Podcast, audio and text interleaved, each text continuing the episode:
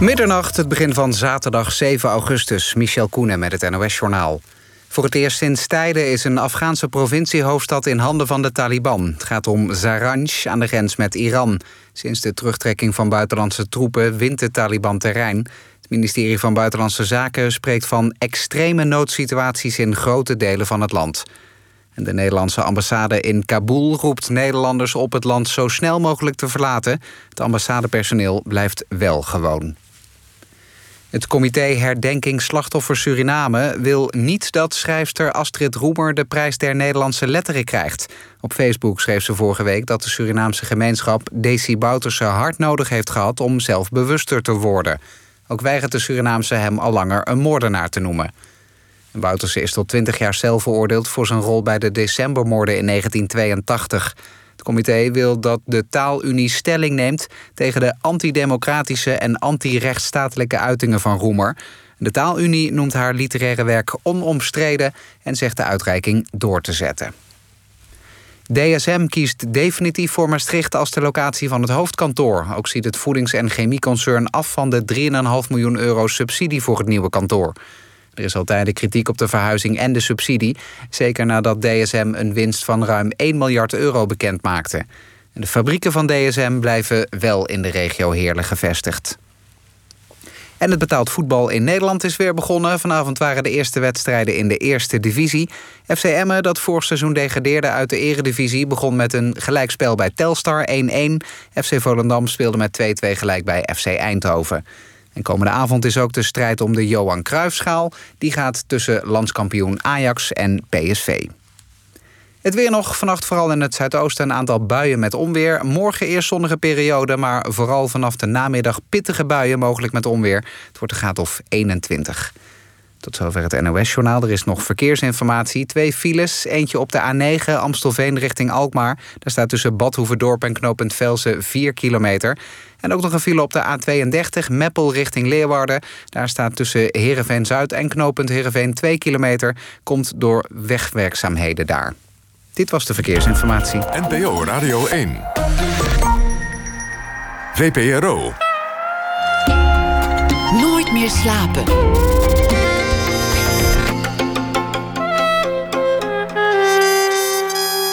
Met Lotje IJzermans. Welkom bij Nooit meer slapen.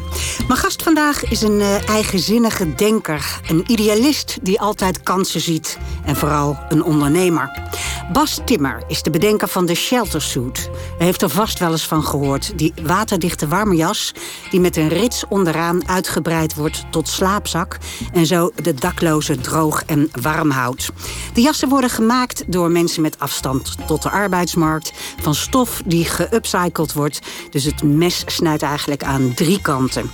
In 2014 maakte hij een eerste exemplaar en inmiddels heeft zijn stichting meer dan 12.500 shelter suits uitgedeeld in Zuid-Afrika, de Verenigde Staten en vele landen in Europa. Maar dat is nog lang niet genoeg als het aan Bas ligt. Dus ging hij onlangs een samenwerking aan met het Franse high-end modemerk Chloé en met de browniesbakker van Ben Jerry's IJs. En hoe dat de daklozen gaat helpen, hoort u vanzelf het komende uur. Bas Timmer werd in 1990 geboren in Enschede, waar hij opgroeide in een textielfamilie en nu woont hij in Arnhem. Hij won inmiddels vele prijzen voor zijn producten en werd door het Amerikaanse blad Time uitgeroepen tot een van de tien Next Generation Leaders van 2020. Een eer die het jaar daarvoor aan Greta Thunberg ten deel viel. Nou, is niet niks, hè? Nee. Geweldig. Bas, heel erg leuk uh, dat je hier bent. Heb je zelf ooit een nacht buiten doorgebracht? Uh, ja, eigenlijk meerdere keren. Ook al uh, in het begin juist, om de sheltersuit ook te testen op het schoolplein. in Enschede zijn we over een hekje geklommen. En hebben we een nachtje buiten geslapen om te kijken hoe het beviel. Ja, en het was eigenlijk heel erg warm. dat was echt heel prettig. En afgelopen jaar of twee jaar geleden heb ik ook twee weken in een shelter bag geslapen. In een, uh, een reis die ik maakte door Amerika heb ik gewoon buiten geslapen in die shelterbag. Um, om gewoon te ervaren hoe dat product nou ligt en hoe ja. ik hem kan verbeteren.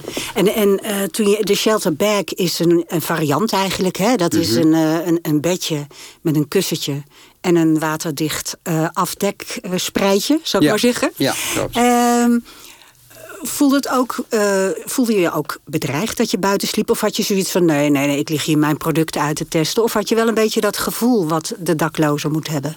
Uh, nee, ik ben ook niet. Uh, ik was ook echt niet van plan om zo'n ervaring, wat een dakloos iemand heeft te ervaren, want dat kun je helemaal niet ervaren. Dus ik ben ook niet in de stad gaan liggen. Ik ben gewoon achteraf in uh, veilige plekken gaan, gaan liggen. Want het ging mij om het product. Ja. Ik uh, voel me niet echt aangetrokken om zo'n ervaring te willen beleven.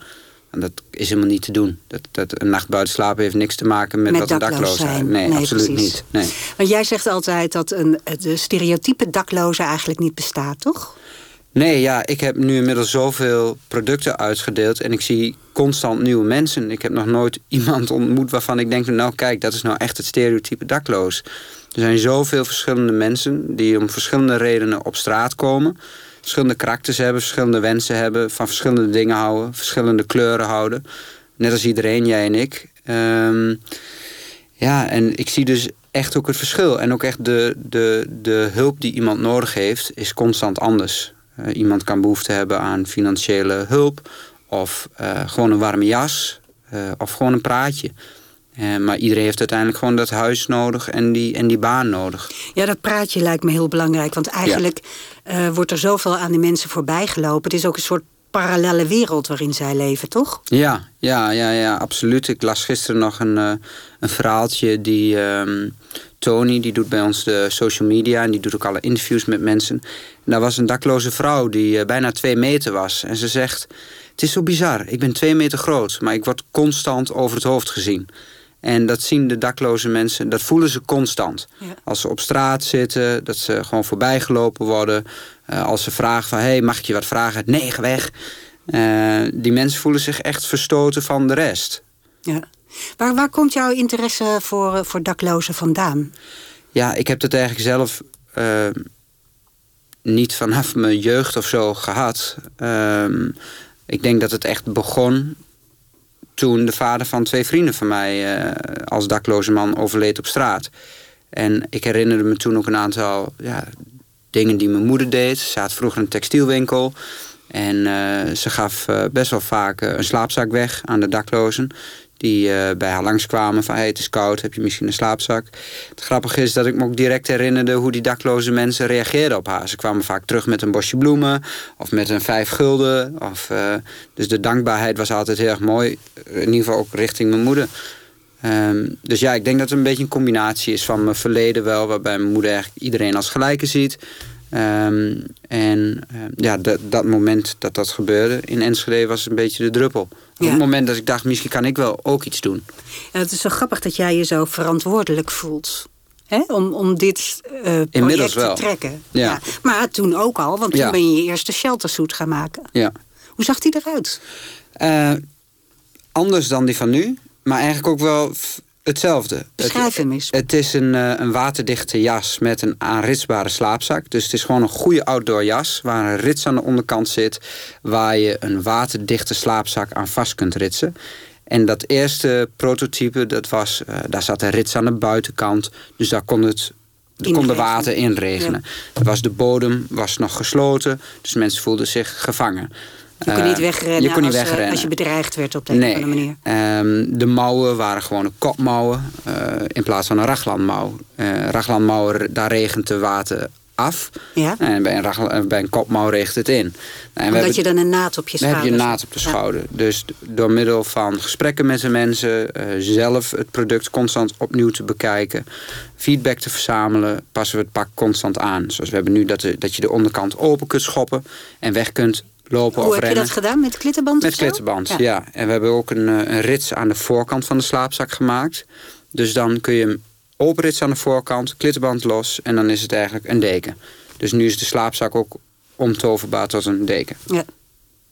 En uh, dus je, bent continu dat uh, uh, product eigenlijk aan het, aan het veranderen en het innoveren. Ik begreep dat je ook nu wil dat het een soort service wordt, die, die jas. Ja, want wat waar we achter komen is dat dakloze instanties door heel Europa, maar ook Nederland nog moeilijk, of vaak moeilijk aansluiting vinden met de daklozen die gewoon geen hulp willen. En je ziet dat de Shelter Suit echt een, een bruggenbouwer is. En dat komt ook constant van dakloze instanties naar ons terug. Van ja, zodra we dat pak laten zien en dat uitleggen en aan hem geven, of aan die man of vrouw geven, dan verandert diegene gewoon in een heel open en uh, verrast en dankbaar persoon. En zo kun je een band bouwen met iemand. En ik denk dat er ook producten zijn die minder persoonlijk zijn dan een jas. Bijvoorbeeld de shelter bag. Dat is eigenlijk een matrasje met een waterdichte laag waarin je droog slaapt. Dat het misschien wel een eigendom kan zijn van de dakloze instantie.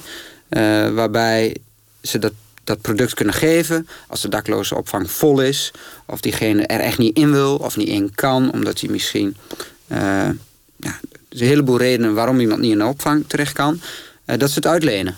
En de volgende dag komen van... hey, is het misschien nu tijd om de opvang in te komen? Of de dag daarna is het misschien er nu tijd voor. En dat ze dat, dat die shelterbag terugnemen, reinigen... en weer gebruiken voor iemand anders. Ja, ja, dus dat het echt een manier is om, uh, om in contact te blijven met dakloze ja. personen. Ja.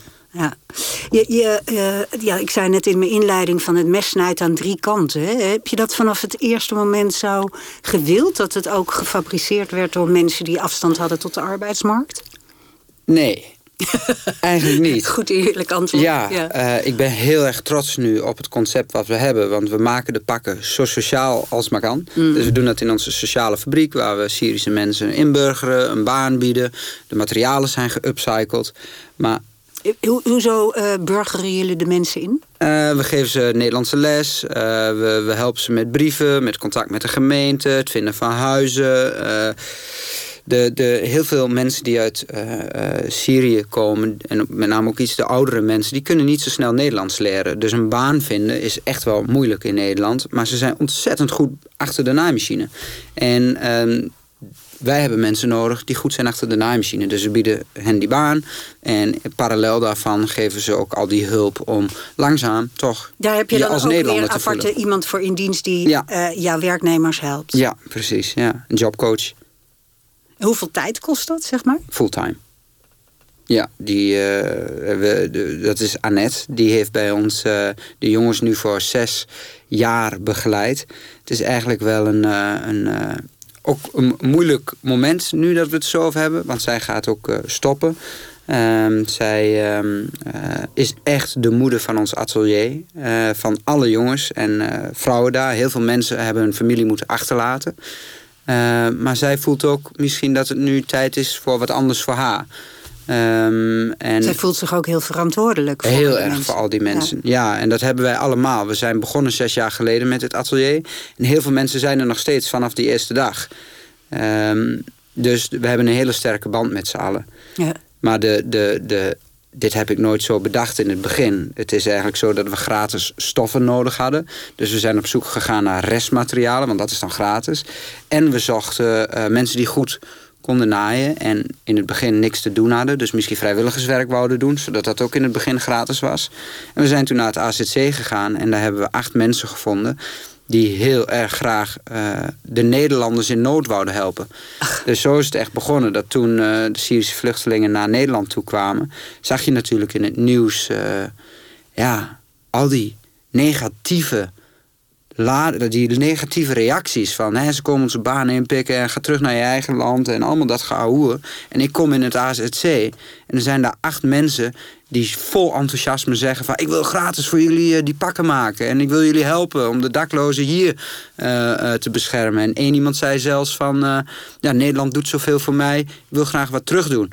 Dus wat we daar eigenlijk zagen is dat uh, ja, de realiteit is dat hele lieve mensen zijn die heel erg hard willen werken en heel erg balen van het feit dat ze hun land hadden moeten verlaten. Ja, natuurlijk. Ja. ja. En die vaak ook niet mogen werken nog in het begin, hè, terwijl nee. ze wachten. Ja.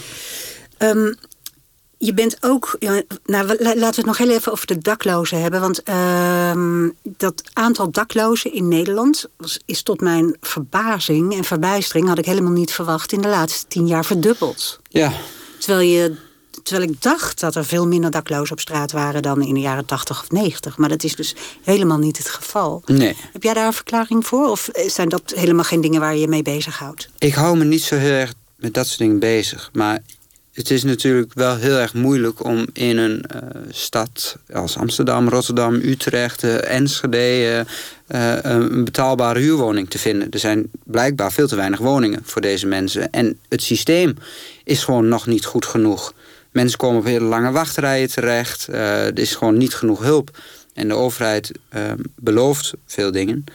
Um, zoals een tijd geleden was er een plan van uh, Paul Blokhuis om veel meer woningen te bouwen. Maar die zijn er nog niet. Uh, en het duurt allemaal best wel lang. En ik vind het wel heel fijn dat de shelter suit is voor mijn gevoel bijna zoiets van... nou kijk, is dit dan nou nodig dat we een jas moeten geven... omdat het niet lukt om die mensen naar huis te bieden? Dus ik hoop ook dat het heel het gesprek uh, ja, opent om meer te doen voor deze mensen. Mm. Je, bent ook, uh, je hebt ook bedacht van het zijn niet alleen dakloze uh, mensen hier in Nederland of in andere Europese steden die die uh, jas nodig hebben. Maar ook mensen in vluchtelingenkampen in, op Lesbos of op Samos. Mm -hmm. En je bent daar naartoe gegaan, toch? Ja. Klopt. Hoe was dat? dat was een, ja, een behoorlijke shock. Ja? Ja, ja, heel, ja, het was echt heel heftig. We zijn daar vijf jaar geleden dacht ik, vier, vijf jaar geleden naartoe gegaan. Samen met Movement on the Ground en uh, Waka Waka. Movement on the Ground is de NGO die in uh, Lesbos uh, hulp biedt. En Waka Waka maakt lampjes. Ook voor mensen die geen lampjes hebben. En ehm, ja, ons doel was om ieder kind daar een warme jas te geven. Een sheltersuit. En um, dat is uiteindelijk gelukt. We hadden al die pakken hadden we gemaakt en dat was allemaal gefinancierd. En dat was echt wel een hele klus om dat voor elkaar te krijgen. En ik ben daar toen naartoe gegaan met uh, collega Joep en collega Sasho.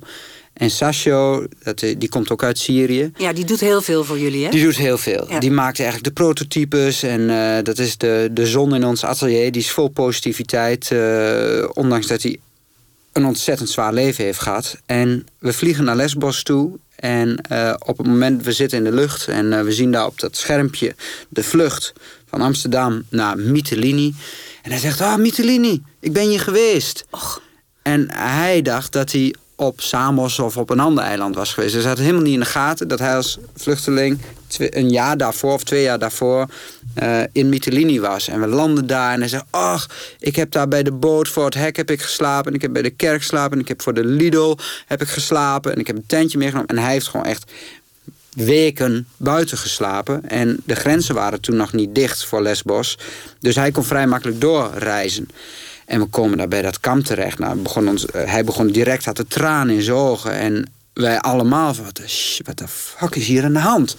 Kinderen die op blote voeten liepen, tenten uh, die zelf in elkaar geknutseld waren. Duizenden mensen, vrouwen, zwanger, uh, mannen die niet goed gekleed. Was gewoon echt, was gewoon echt heel, heel heftig om dat te zien. En ja, je vliegt twee uurtjes of drie uurtjes vanuit uh, Schiphol. En je bent daar in één keer. En ik ben gewoon heel erg enthousiast en open. En ik uh, wil mijn werk gewoon goed doen. Dus ik pak al die sheltersuits uit. En ik doe die, uh, die kindjes die jasjes aan. En je ruikt ondertussen dat die kindjes uh, en de mensen daar... natuurlijk geen fatsoenlijke douchevoorzieningen hebben. Want je hebt daar, er waren daar toen volgens mij 6000 mensen... in een kamp waar maar plek is voor 2000. Dus de geur bij iedereen, die... en, en wat je natuurlijk ziet, dat bleef me echt heel lang bijhangen. En we zaten in het vliegtuig terug. En ja, we hadden het gewoon echt heel erg moeilijk mee. Dat we alle drie uh, spontaan begonnen te huilen. Van wat, wat is hier in hemelsnaam aan de hand? En uh, hoe kunnen we dit toelaten? En het was de dag voor oud en nieuw. Nou, en ik snapte er gewoon even helemaal niks meer van. Hoe iedereen het lef had om dat glas te heffen. Je was echt in shock? Ik was echt in shock. En ook nu ik het er weer over heb... dan voel ik gewoon dat ik denk... van het is te bizar voor woorden dat dit nodig is. Dat we zo uh, bang zijn om onze... Ja, onze privileges hier te verliezen in Nederland. Waardoor we dan maar uh, onze deur sluiten voor uh, de buren. Ja, vind ik heel bizar. Ja, zeker. Ja. En, en, en, wat heb je daar kunnen doen? Hè? Je hebt die kinderen, een aantal kinderen uh, de, de, de, jas kunnen geven, de sheltersuit. Ja. Maar je, je, ik neem aan dat je met een totaal onbevredigd gevoel daar, ja. daar weggaat. Ja, want, je het is, kan het is, dat niet oplossen. Nee, het is maar een jas, hè? Ja, precies. Dus het mooie is dat we de mensen in ons atelier helpen en dat zij die mensen kunnen helpen en dat we heel veel awareness creëren en dat we die mensen een jas geven en dat aandacht geven en ook hun laten zien wat heel mooi was dat Sasho daar was geweest een jaar geleden. En zij zagen van, oh, het kan goed komen. Dat Ja. Sasho uit Nederland terug kan komen om ons dit te geven. Dat geeft heel veel hoop. Eh, maar het is maar een jas. Ja. Het is een warme, fijne jas. Maar ja, ik voelde me wel een beetje machteloos. Dus ik dacht van, ja, is dit het dan nou? Ja, dat, dat is natuurlijk continu eh, jouw strijd. Hè? Je, je, je wil helpen en je verzamelt wat geld. Alles Ja. wat jij doet komt van giften. Ja. En, dan, en dan heb je 10, 20, 50, 200 producten. Ja. en het is nooit genoeg. Nee. Eh, want eh, je hebt heel veel support gehad van het Enschedese bedrijfsleven. Hè? Maar dat is natuurlijk heel kleinschalig. Ja. Wat, wat zijn in Nederland de bedrijven geweest die jou heel erg gesteund hebben? Het gaat me niet om de namen, maar om het soort bedrijven. Nou, het, eh, de, de, de, de, ja, dit is echt onze materiaaldonateurs. Eh, met name is dat een textielproducenten ten kate in, eh, in Nijverdal... die al vanaf het begin ons gratis doek levert. En het gaat om tienduizenden meters doek dat een foutje heeft. Dat is En- tentdoek, zeg tentdoek, maar. Tentdoek, ja. Heel stevig, waterdicht, ademend. Een schot in de roos. En dat zit gewoon naast Enschede in Nijverdal. Nou, we hadden direct een klik. En ehm, ze steunen ons tot op vandaag met eh, heel veel stof.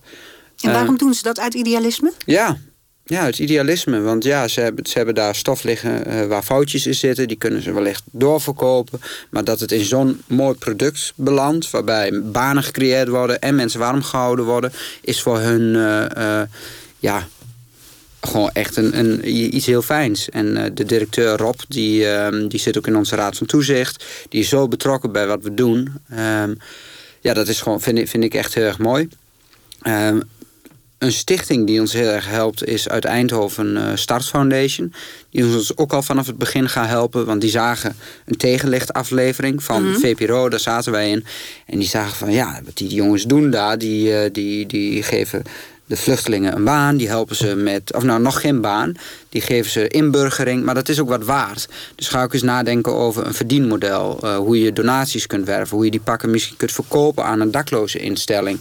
Eh, die zijn met ons een heel traject ingaan om, om ja, een plan te maken. En eh, tot die tijd dat wij op eigen benen kunnen staan, steunen zij ons financieel. Dus zij ehm, ehm, eh, helpen ons heel erg. Ook Ja. met introducties aan andere fondsen, zoals de Rabobank Fonds of Stichting Doen. eh, Het, is een const- continue struggle tussen eh, eh, liefdadigheid, het weggeven... Ja. En een soort eh, je hand ophouden en het bedrijfsleven benaderen... en kijken wat je daar los kan eh, weken. Het lijkt mij heel ingewikkeld, om, want je wil alleen maar geven. Ja, ja, ik vond het in het begin ook echt wel heel erg moeilijk. Dat, eh, eigenlijk was de conclusie dat we niet alles zomaar gratis weg konden geven. Want in het begin was het echt stof gratis, slaapzakken gratis. Ik werkte in het weekend als kok van vrijdag tot zondag. En maandag tot vrijdag werkte ik gratis. Alle mensen in het atelier werkten gratis. En op een gegeven moment was ik op, was iedereen het atelier op. Eh, dus je moet gewoon echt donaties binnenhalen. En ik weet nog dat we de eerste donatie van 3000 euro kregen van Emiel Ratelband. Dat was net... eh, Emiel Ratelband. ja, toen we, toen we Sheltersuit begonnen, kreeg ik slaapzakken en eh, tentdoek. En we hadden nog niet ons eigen atelier. Dus er was een ateliertje in Enschede die aanbood voor een gesponsord bedrag... om ehm, die pakken in elkaar te naaien. Maar we hadden geld nodig. En dat was 3000 euro. En ik, ik dacht, wat krijgen we nou? Iemand doneert gewoon 3000 euro hiervoor. Want we hadden Emiel gewoon een berichtje gestuurd van... hey, je hebt buiten geslapen voor een programma... eh, om dakloosheid op de kaart te zetten. En eh, zou je 3000 euro willen doneren? En echt, dezelfde avond volgens mij kregen we een berichtje terug. Ja, dat wil ik wel, kom morgen maar langs. Dus hup, naar zijn eh, kantoortje kregen we het geld en zijn boek met Chaka erin geschreven. En hij was onze allereerste donateur. Dus dat gaf gewoon wel een bijzonder gevoel dat mensen wouden doneren voor dit. Eh, ik had gewoon geen idee dat het mogelijk was. Heeft hij jullie verder nog op weg geholpen? Ehm, nee, dat was gewoon dat, dat hij dacht daar verder niet over na. Van nou, hier, dit is jullie dit kickstart, gewoon- doe ja. het.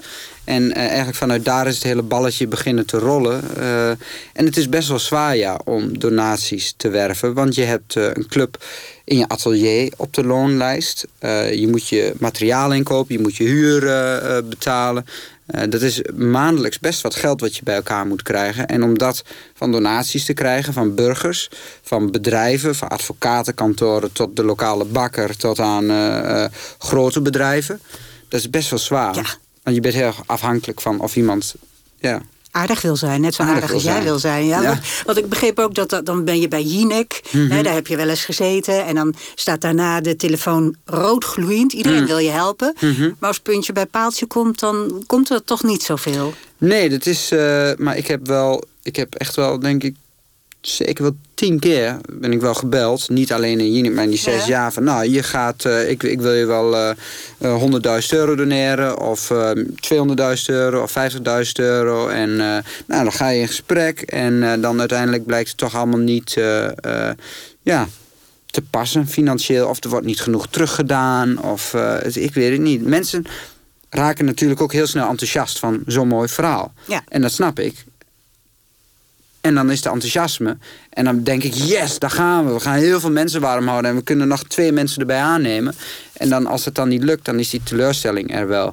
Maar ik denk dat het bij ieder bedrijf zo is, eigenlijk. Eh, ik, ik hoor ook wel van eh, mensen eh, om me heen die ergens anders werken. Van ja, dat is toch wel een beetje het ondernemen. Eh, Nou, hoe ga je daarmee om met die teleurstellingen? Want je bent, je, je- het is wel zo dat iedere ondernemer dat heeft, maar jij bent geen ondernemer geworden. Dat ben je eigenlijk tegen wil en dank. toch? Ja. ja, ik weet niet. ik, ja, nou ja, ik, ik, hoe ik ermee omga is eigenlijk eh, eh, eh, teleurstelling in het begin. En dan ook, ja, we moeten toch echt weer verder. Dus Ja. dan, ja, de volgende dag is het gewoon weg. Steeds en dan, weer opnieuw jezelf Opnieuw herpakken. en gewoon, ja, vooruit. Nou, er is nu misschien een, een break. Oh, Zuid-Afrika, daar zit je ook. ja. Hoe ben je daar terechtgekomen dan?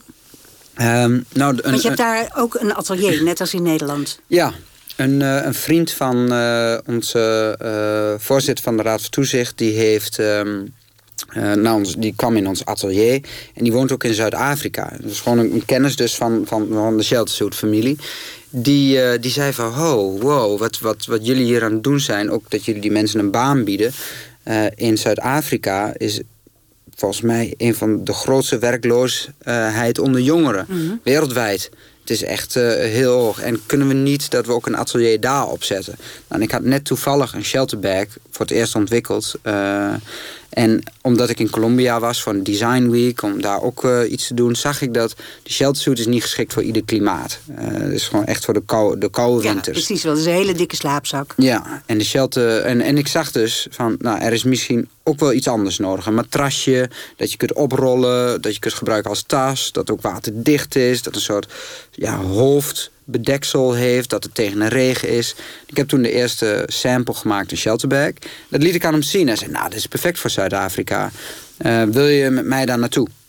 Om te kijken of we dat voor elkaar kunnen krijgen. En dat je gewoon precies hetzelfde doet als wat je in Nederland hebt gedaan. Nou, dat is goed. Ik daar naartoe. Ehm, eigenlijk bekeken van, nou, wat hebben we nodig? We hebben materialen nodig. We hebben een atelier nodig. We hebben mensen nodig.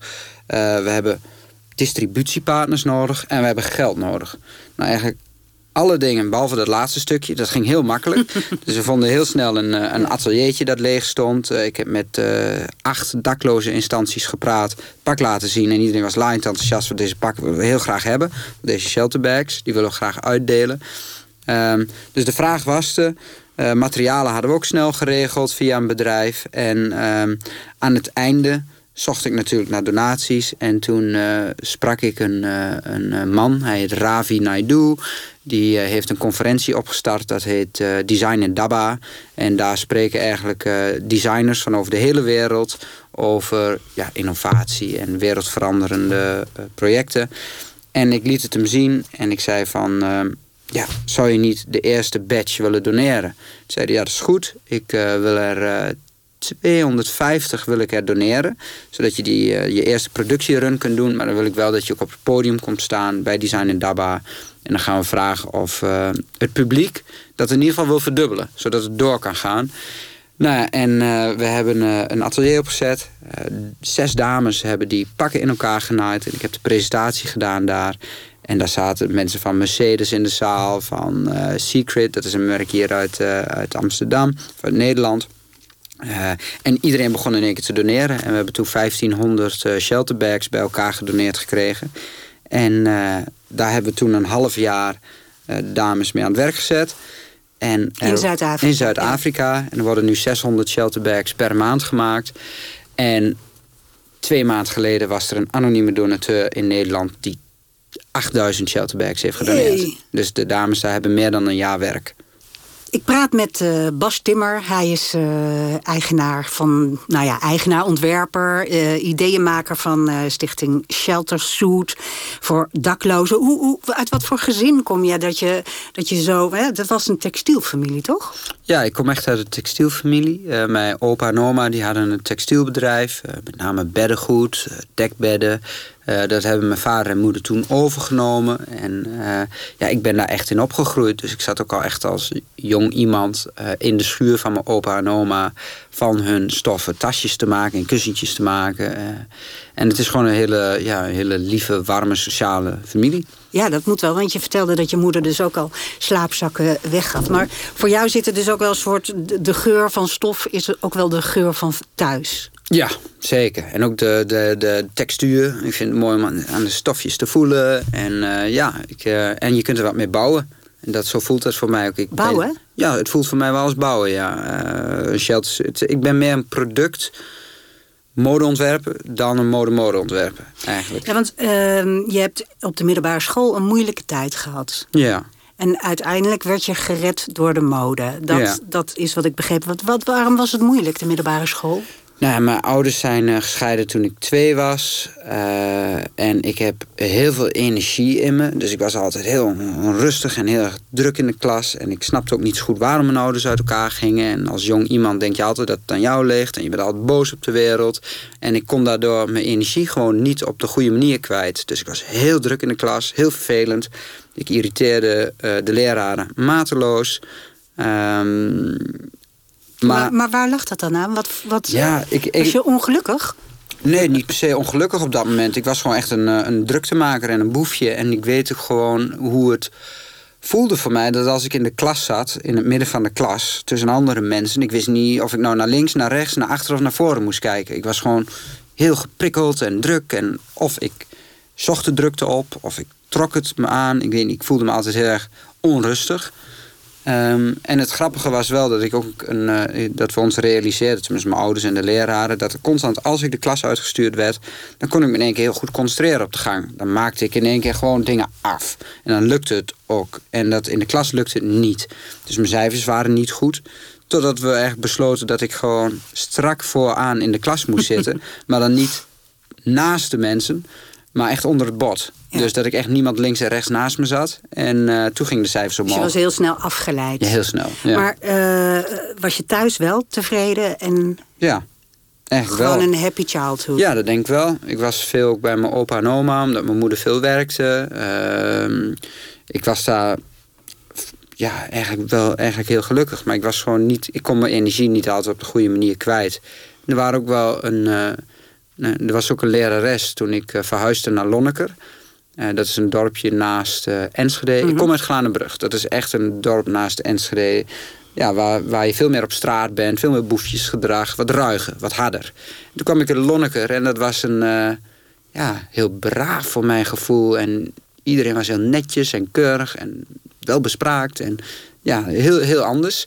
En er was ook een lerares die me echt een tweede, een derde, een vierde, een vijfde en een zesde kans gaf. Maar gewoon in mij geloofde. En daar ben ik heel erg dankbaar voor. En eh, mevrouw Nootkraker, dacht ik, als ik nog goed weet. Mevrouw Eh, Notenkraker bij deze, hartelijk dacht dank. ik, ja. ja. en ehm, ehm, mijn moeder is daar ook heel erg blij mee. En ehm, ja, daardoor ging het wel echt een stuk de betere kant op. Toen ging ik naar VMBOT en had ik nog steeds wel eens mijn streken. En dan ging het steeds beter. Maar ehm, toen ik echt op de modeopleiding terecht kwam... Maar hoe kom je dan op de modeopleiding terecht als boefje? Nou ja, ik wou graag een. eh, ik vond, net als heel veel mensen op de middelbare school, wil je graag goed kleden, wil je er cool uitzien. En eh, ik vond dat ook. eh, eh, dus ik had wel wat met kleding. En, eh, maar ik wou ook wel echt ondernemen. Ik wou ook wel graag eh, iets bouwen of zo. Dus ik dacht, misschien kan ik met, dat, met die kleding, kan ik wel een kledingwinkel beginnen. Eh, nog helemaal niet aan een kledingmerk gedacht, maar aan een winkel waar dan kleding verkocht wordt. Ehm, dus misschien is die opleiding wat. En ehm, Wat voor dingen had je dan voor ogen? Ehm, ja, eigenlijk een kledingwinkel. Ja, gewoon hippe kleren. Hippe kleding. Dat, want ik was toen fan van G-Star en Diesel en eh, al dat Ja. soort merken. Ehm, maar in mijn eerste jaar, eigenlijk in de eerste maand, uh, dan zijn de stromingen gecombineerd. Dus de commerciële opleiding binnen de mode en de creatieve, dat is eigenlijk één jaar. En in, de, in die eerste maand kreeg ik een creatieve opdracht, net als iedereen, om een tas te maken. Een strandtas. Mhm. En op de een of andere manier kreeg ik allemaal ideeën van, ah, oh, dat moet dan misschien met uh, blauwe en wit gestreepte stof zijn. Een beetje meubelachtige stof, zodat het een beetje dat marine gevoel heeft. En uh, misschien met een soort uh, jute rand, zodat het een beetje ruiger is. En dan kunnen we wat touwtjes aanhangen met schelpen of zo. En uiteindelijk heb ik het ding gemaakt en was het echt een hele mooie tas. Echt een, tas die mijn moeder en de vriendinnen allemaal heel mooi vonden. En ik vond het zo leuk, dat, dat pro, ja, creatieve proces van iets bedenken. En daar, uh, dat voelt heel fijn om te dromen over iets moois. En dingetjes te combineren met elkaar. En dan het ook nog kunnen maken. Precies zoals ik in mijn hoofd heb. Ja, dat voelde echt heel erg goed. Ja, want dat maakte je zelf op de naaimachine. Ja, ja, ik had een, uh, omdat mijn oma naaimachines had van, vanuit haar textielbedrijf, had ik een naaimachine naar huis gehaald. En um, een lokmachine en een naaimachine. En vanaf dat moment was ik gewoon compleet verslaafd aan het maken van kleding. Na die eerste tas zat ik tussen de les door ja, te schetsen kan ik niet een trui maken voor mezelf? Hoe doe ik dat? Dan had ik een trui uit elkaar geknipt om de patronen te, te pakken. Dan had ik gewoon stof gekocht. Nou, trui in elkaar genaaid. Wow, dat werkt. Oh, toen was het heel erg hip om een grote kool te hebben Ja. om, je, om je gezicht. eh, Zo'n hoge kool. Dacht ik, misschien kan ik dat ook wel nabootsen. En heb toen met een stuk stof om mijn nek gewikkeld. En toen was het net een soort sjaal. En die had ik dan vastgemaakt aan de trui. En in één keer had ik een heel uniek model gemaakt. Dat iedereen op school heel cool vond. En toen vroegen meer mensen, wil je dat ook voor mij maken? En eh, ja, toen ben ik... eh, elke dag naar mijn kamer gegaan, na school, om nieuwe dingen te maken. En het voelde gewoon, het was ook echt vet. Het was echt, ja, het was echt coole kleding. En eh, ja, dat, eh, dat vond ik gewoon heel erg leuk. En dat was nog op het ROC. Ja, dat was op de ROC. Dus toen ben je doorgegaan naar Artes, de kunstacademie. Ja. En daar is de sheltersuit. Nee, ik eh, eh, was eigenlijk in het eerste jaar dus helemaal eh, ja, verkikkerd op het maken van kleding. En ik heb toen eh, mijn eigen merkje opgezet. En eh, dat eh, heb ik in die resterende drie jaar van de modeopleiding heb ik dat opgebouwd. Ik had allemaal klanten en ook een aantal winkels verkocht met truien. En ehm, ik, het was altijd mijn droom om naar ATES te gaan. En dat is best wel lastig om daar eh, eh, aangenomen te worden. Vooral als je van MBO komt. Want dat is dan een beetje... Kunstacademie in Arnhem, Ja, hè? dan, hè, ja, want als je daar van MBO komt, dan zou je, lijkt het een beetje alsof iedereen denkt dat je niet zo snugger bent. Mhm. Dus eh, ik vond het best wel, ja, iedereen is daar onzeker over. Gaat dat lukken? Ehm, maar ik had ook een beetje zo'n gevoel inmiddels opgebouwd van ga ik nou mode doen en alleen maar mooie dingen maken. Ik voelde me niet helemaal meer thuis. Ik was ook ja, over andere dingen aan het nadenken. Van kan ik ook nog wat anders doen? En ik voelde me daar niet helemaal. Maar ik had toch toelating gedaan en ik werd aangenomen. En ik voelde me eigenlijk gewoon niet heel fijn. Ik kon dat kledingmerk van mezelf niet loslaten. Eh, ik kon het eh, werken eh, in Enschede, want ik was ook kok, niet echt loslaten. Omdat ik dan ook mijn vrienden zag. Dus ik gaf mezelf niet volledig daarvoor. Eigenlijk alle studenten op ATS die werken van ochtends tot avonds aan alle opdrachten en dan in het weekend ook. En ik gooide er af en toe wel een beetje met de pet na. Ehm, en ik voelde me gewoon niet gelukkig. Dus ik ben gestopt na een jaar. Eh, en eh, heb toen een jaar lang met mijn eigen merk ben ik weer verder gegaan. En toen gebeurde eh, hetzelfde moment. Ja, dat, dat de Ja. vader van jouw vrienden overleed. Er zit wel iets heel bezetens in jou, hè? Want eh, zoals je ook vertelt, je- dat hele sheltersuit leiden is natuurlijk een bezeten missie. Ja. Om het goede te doen. Maar zo was je ook dus heel bezeten truien aan, na, eh, aan naaien iedere avond. Ja. Wat is dat bezetene in jou?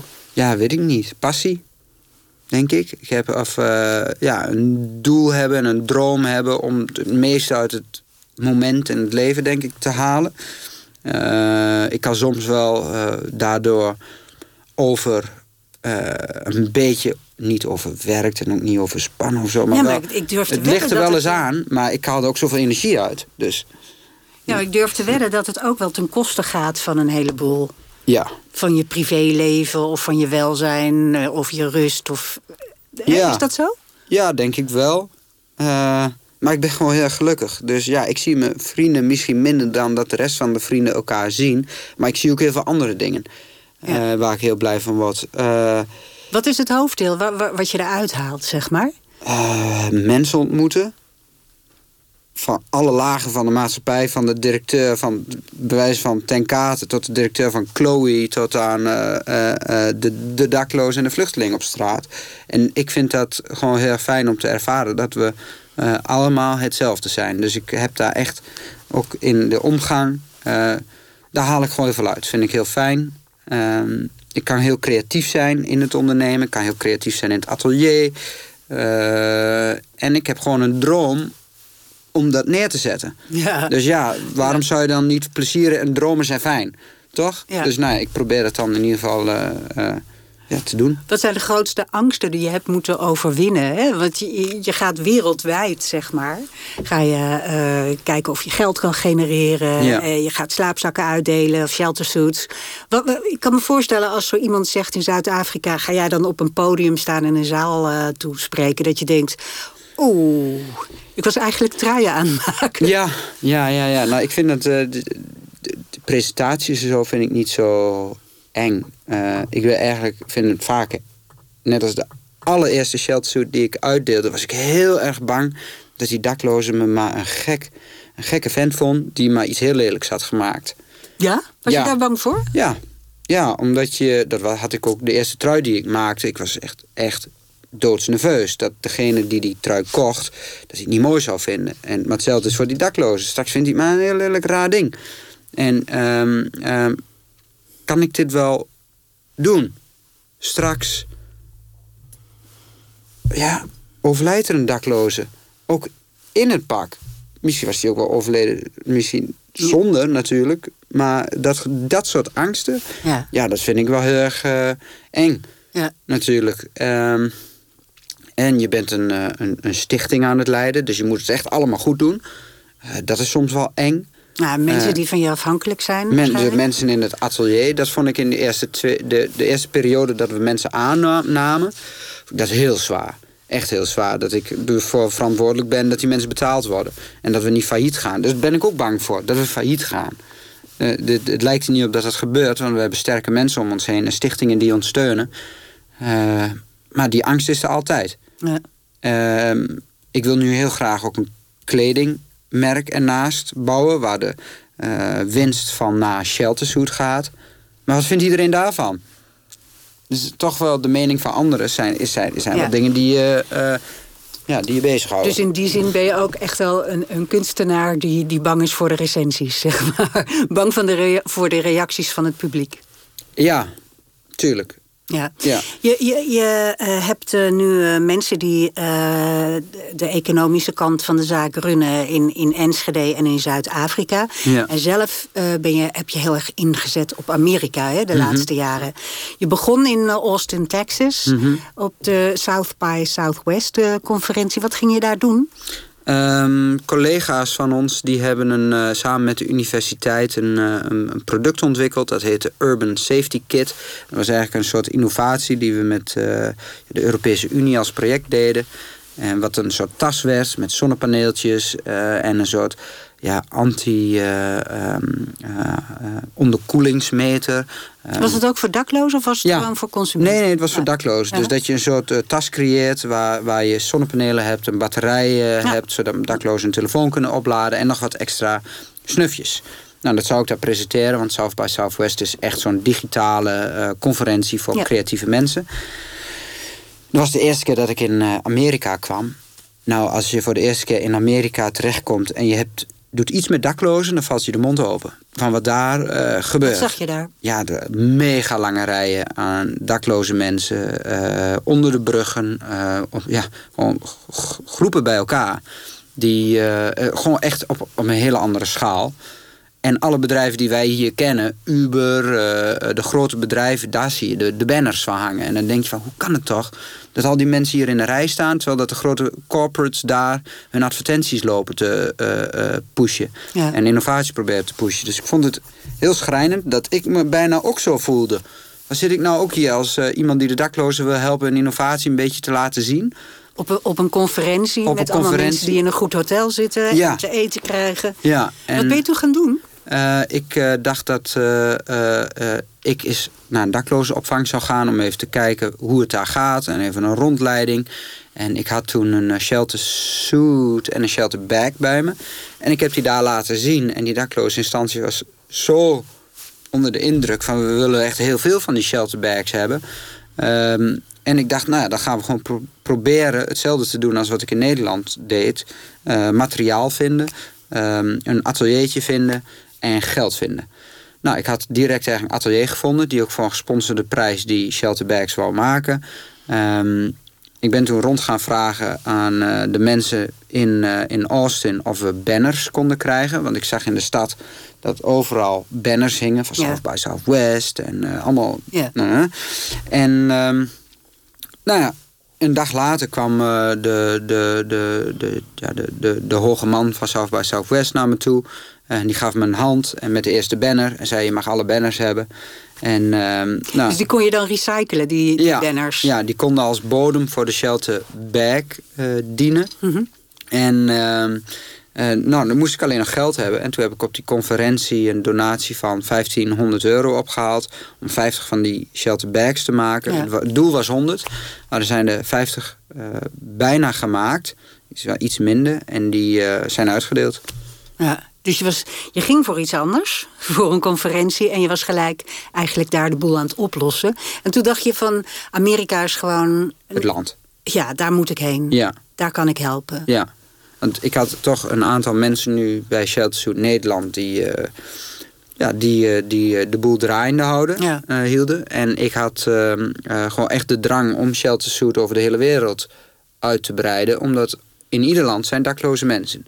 Zijn er daklozen in, in Amerika? Ik, ik heb dat gezien in L.A. Van die enorme tentenkampen Ja. onder viaducten. En het, het is te erbarmelijk voor Ja. woorden. Ja. Maar ehm, zijn die daklozen eigenlijk anders dan de daklozen in Nederland? Ja, ja, ja, ja, ja. ja. Nou ja, In welk opzicht? Nou ja, ze zijn eh, veel harder, veel. eh, eh,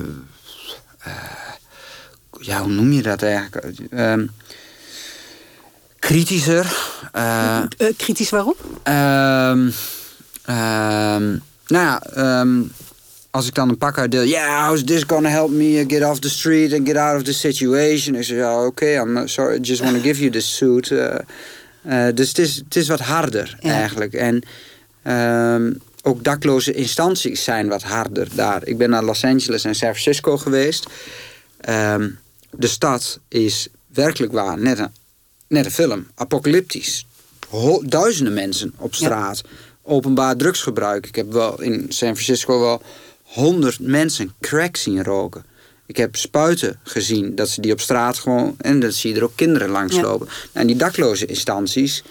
Ja, die, hebben, die, die, die zijn bijna ja, gewoon oorlog aan het voeren tegen dit. Te, dit is gewoon echt een missie van die mensen om dit op te lossen. En nou ja, een shelter suit is een mooi product en een shelter bag is een mooi product, maar het lost de situatie daar natuurlijk niet Nee. op. En dat is natuurlijk sowieso een beetje... eh, hey, je wil eigenlijk de mensen van de straat in een huis hebben. Ja. Dus jouw oplossing is sowieso een tijdelijke. Ja, ja. Het is echt het beginstuk van eh, mensen zijn op straat, laten we ze daar beschermen. En vanuit daar eh, een stap omhoog. En in New York krijg je daardoor geen voet aan de grond, hè? Nou, het is een stuk moeilijker, omdat eh, in New York eigenlijk eh, ehm, het beleid is dat ehm, iedereen opvang verdient. Ja, the De right of shelter. The right of shelter. En dat is eigenlijk ook in Nederland. Ehm, dus dat ging in- Nederland in het begin ook heel moeilijk op politiek niveau. Want als ze, gaan, als ze een sheltersuit accepteren, dan geven ze eigenlijk toe dat hun Ja. systeem niet werkt. Ja. Eh, en dat liepen we in Nederland ook heel erg tegenaan. Maar de realiteit is nog steeds dat duizenden mensen in New York op straat slapen. Nog steeds. En, En, dat eh, blijft dan hebben ze wel eh, het recht op opvang, alleen is- gebeurt het niet. Nee, Ja. en nee. En heel veel mensen... ehm, ik ben in een heleboel dakloze op, opvangcentra's geweest. Een heleboel zijn heel erg mooi, maar heel veel zijn ook heel erg slecht. Ja. En heel erg met z'n allen op een kamer, kuchend, viezig, eh, in dezelfde douche. Eh, ja, als je net dakloos bent, dan, dan eh, slaap je daar Ja. niet altijd eh, heel graag. Nee, ik kan me voorstellen. Ja. Je, kwam daar ook een, een, een, een man tegen, dat was de ex-man van, eh, van Diana Ross. En die zei, ik ga jou helpen. Mhm. Nou, dat was ook weer zo'n verhaal. Dat, uh, ja, graag helpen, maar uiteindelijk... Uh, ja, geïntroduceerd ook bij um, mensen van Universal Music Group...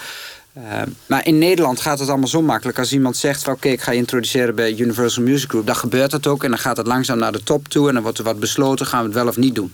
Maar het bleef daar eigenlijk alleen maar bij de voordeur hangen. Met de vraag, what's in it for me? En ik dacht, hoe bedoel je, what's in it for me? Dit ken ik helemaal niet. Hoezo wat wil je dan? Nou, dan is het eigenlijk zo van, nou, stel je voor Universal doneert 50.000 dollar. What's in it for me? Is het dan 5.000 of 3.000 of iets anders? Ja, en dan blokkeer ik gewoon. Denk van ja, dit gaan we niet doen. Uh, ik, ik, zie het aan jouw gezicht nu, ja. terwijl je dit vertelt. Ja. Er komt er een soort, uh, uh, ja, een soort resoluut blik van nee, dat gaan we niet doen. Het gaat nee. om liefdadigheid. Ja, het gaat om liefdadigheid en dat je gewoon de, dat je ons wil helpen om mensen te kunnen helpen. Um, dus dat was, ik, ik kwam daar met ontzettend veel enthousiasme. Ik dacht, wat gebeurt me nou? Hè? Het gaat zo snel hier in Amerika. Baf, je bent met die, die, die van um, Diana Ross aan het praten... en met Universal Music Group... en met een hele grote stichting aan het praten. En het ging allemaal zo positief. Maar eigenlijk bleef alles met dat stukje What's in it for me hangen. Echt, ja, ik durfde ook, geen beslissing te maken. want ik dacht wel van, nou, moet ik dat dan toch doen? Als dat dan de manier is van ondernemen hier in Amerika... dan moet dat misschien maar...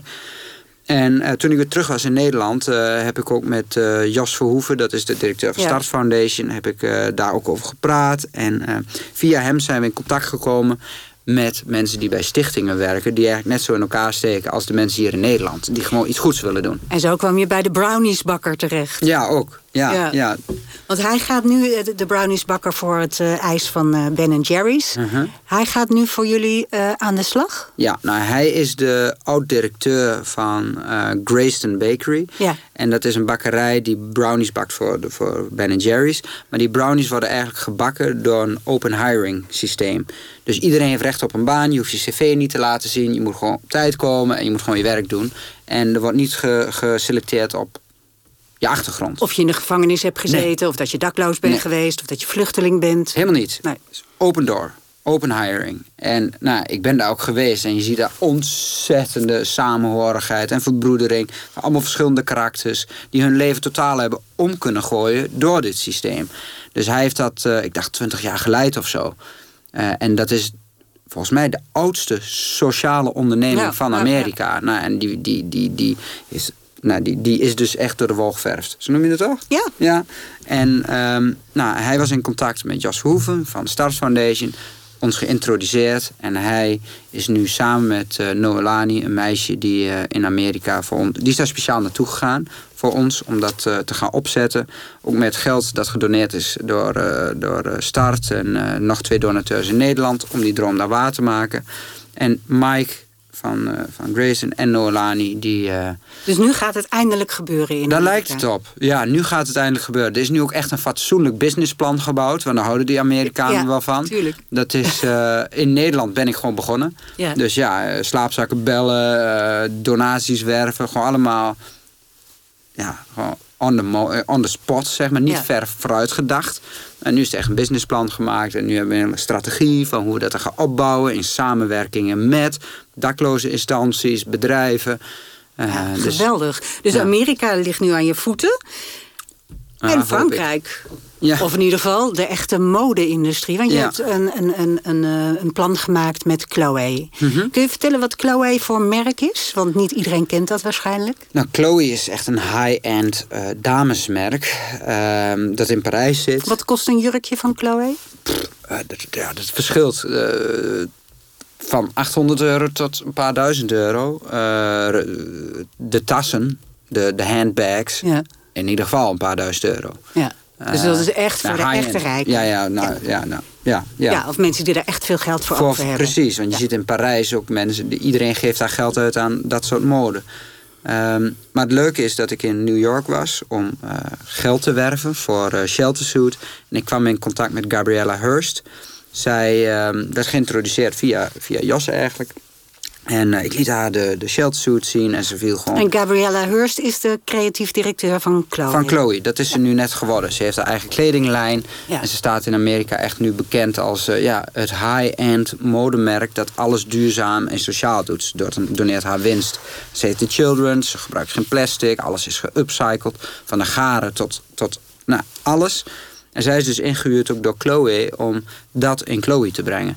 En um, ik las dat nu um, uh, zij sustainability binnen Chloe in het eerste seizoen al verviervoudigd hebben. Jeetje. Dus ze zijn vier keer zo duurzaam nu al.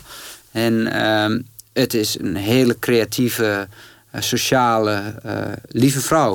Die, ja, ik klik daar heel erg makkelijk mee. We zijn allebei creatief, we willen allebei het goeds voor de wereld. We zijn allebei ontzettend gemotiveerd. Uh, we houden van hard werken. En dus ze belden van wil je met Chloe een samenwerking doen met Shelter Suit? Wil je rugtassen maken en uh, Shelter Suits maken? Ja, ik heb de modeshow gezien waarin uh, dus de ontwerpen van Chloe... en dan aan het eind komen jouw ontwerpen, jouw Shelter Suits... Mm -hmm. gemaakt met stoffen van, van Chloe, restjes ja. en, ja. en, en, overschot. En het ziet er echt geweldig uit. Mooi, het is hè? echt modisch. Ja. En, en, en ja, je kan je niet voorstellen dat zo'n Shelter Suit fashion is... maar Mhm. mm -hmm. er, die gaan niet verkocht worden, toch? Nee, dus wij, wij de, de, we hebben de shelter suit uh, gemaakt van een restmaterialen. Uh, de buitenkant is gewoon tenkatenstof. Dus ja. zoals dat. De binnenkant hebben we geupcycled met Chloe-stoffen. En zij hebben hem voor de show anders geïnterpreteerd. Ze hebben hem binnenste buiten gedraaid... om dat vakmanschap van die binnenkant te laten zien. En daardoor straalt die, uh, die ja, en die geweldige stoffen ook. Hè? Precies. De bloemetjes ja, en satijnachtig. En... Ja, ja, hele mooie prints van Karl Lagerfeld uh, tot, tot aan de nieuwe collectie. Alles zit erin. En uh, ja, die pakken die, die gaan we niet verkopen aan consumenten. Die zijn voor de daklozen. De consumenten die kunnen rugtassen kopen. Die ook volledig geupcycled zijn. Uh, van Chloe-stoffen en ook tenkatenstoffen. En dit is, ik heb hier zelf een rugtas. Dit is de eerste sample, oh. de allereerste. Helemaal, Supermooi. Helemaal in zwart gemaakt. Omdat ik dan uh, goed kan kijken waar de fouten zitten. Nou, en dan hebben we nu uh, hier echt de Chloe-editie van gemaakt. Dit zijn gespjes van Chloe's schoenen. Dus uh, ja, dit zijn uh, bandjes die in, uh, ook in Chloe's schoenen terugkwamen. Leer van oude collecties. autogordel als draagband van, van Lekker breed, zodat het niet snijdt. Ja. Precies. Dus ja. En, en, en eigenlijk ben jij nu, uh, je begon ooit met het maken van, van mode, van truien die cool waren en die door jouw generatie vet werden gevonden. Hm. Nu ben je eigenlijk weer terug bij mode ook, terwijl je dat sheltersuit idee niet loslaat. Nee. Ga je nu ook meer mode maken? Ja. Ja, absoluut. Dus we gaan uh, in parallel ook uh, onze eigen lijn ontwikkelen. En ook nog met Chloe of niet? Ja, dat is wel het idee. Uh, daar gaan we nu uh, over in gesprek, want ze willen heel graag een langere termijn samenwerking.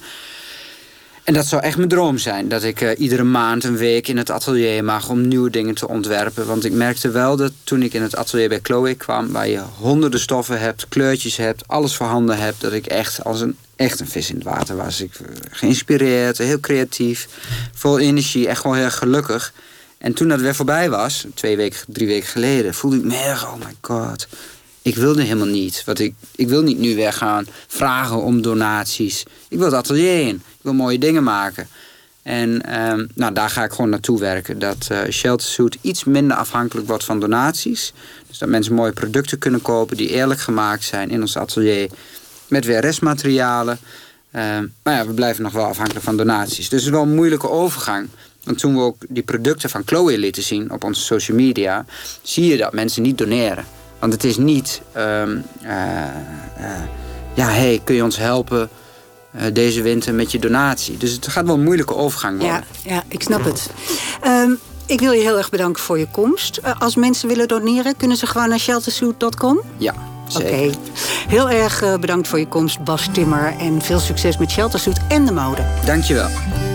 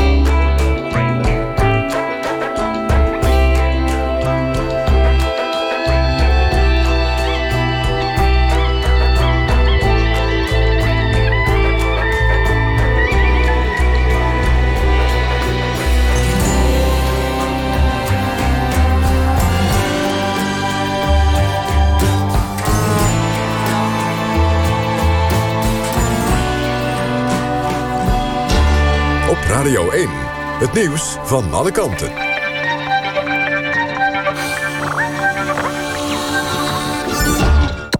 NPO Radio 1.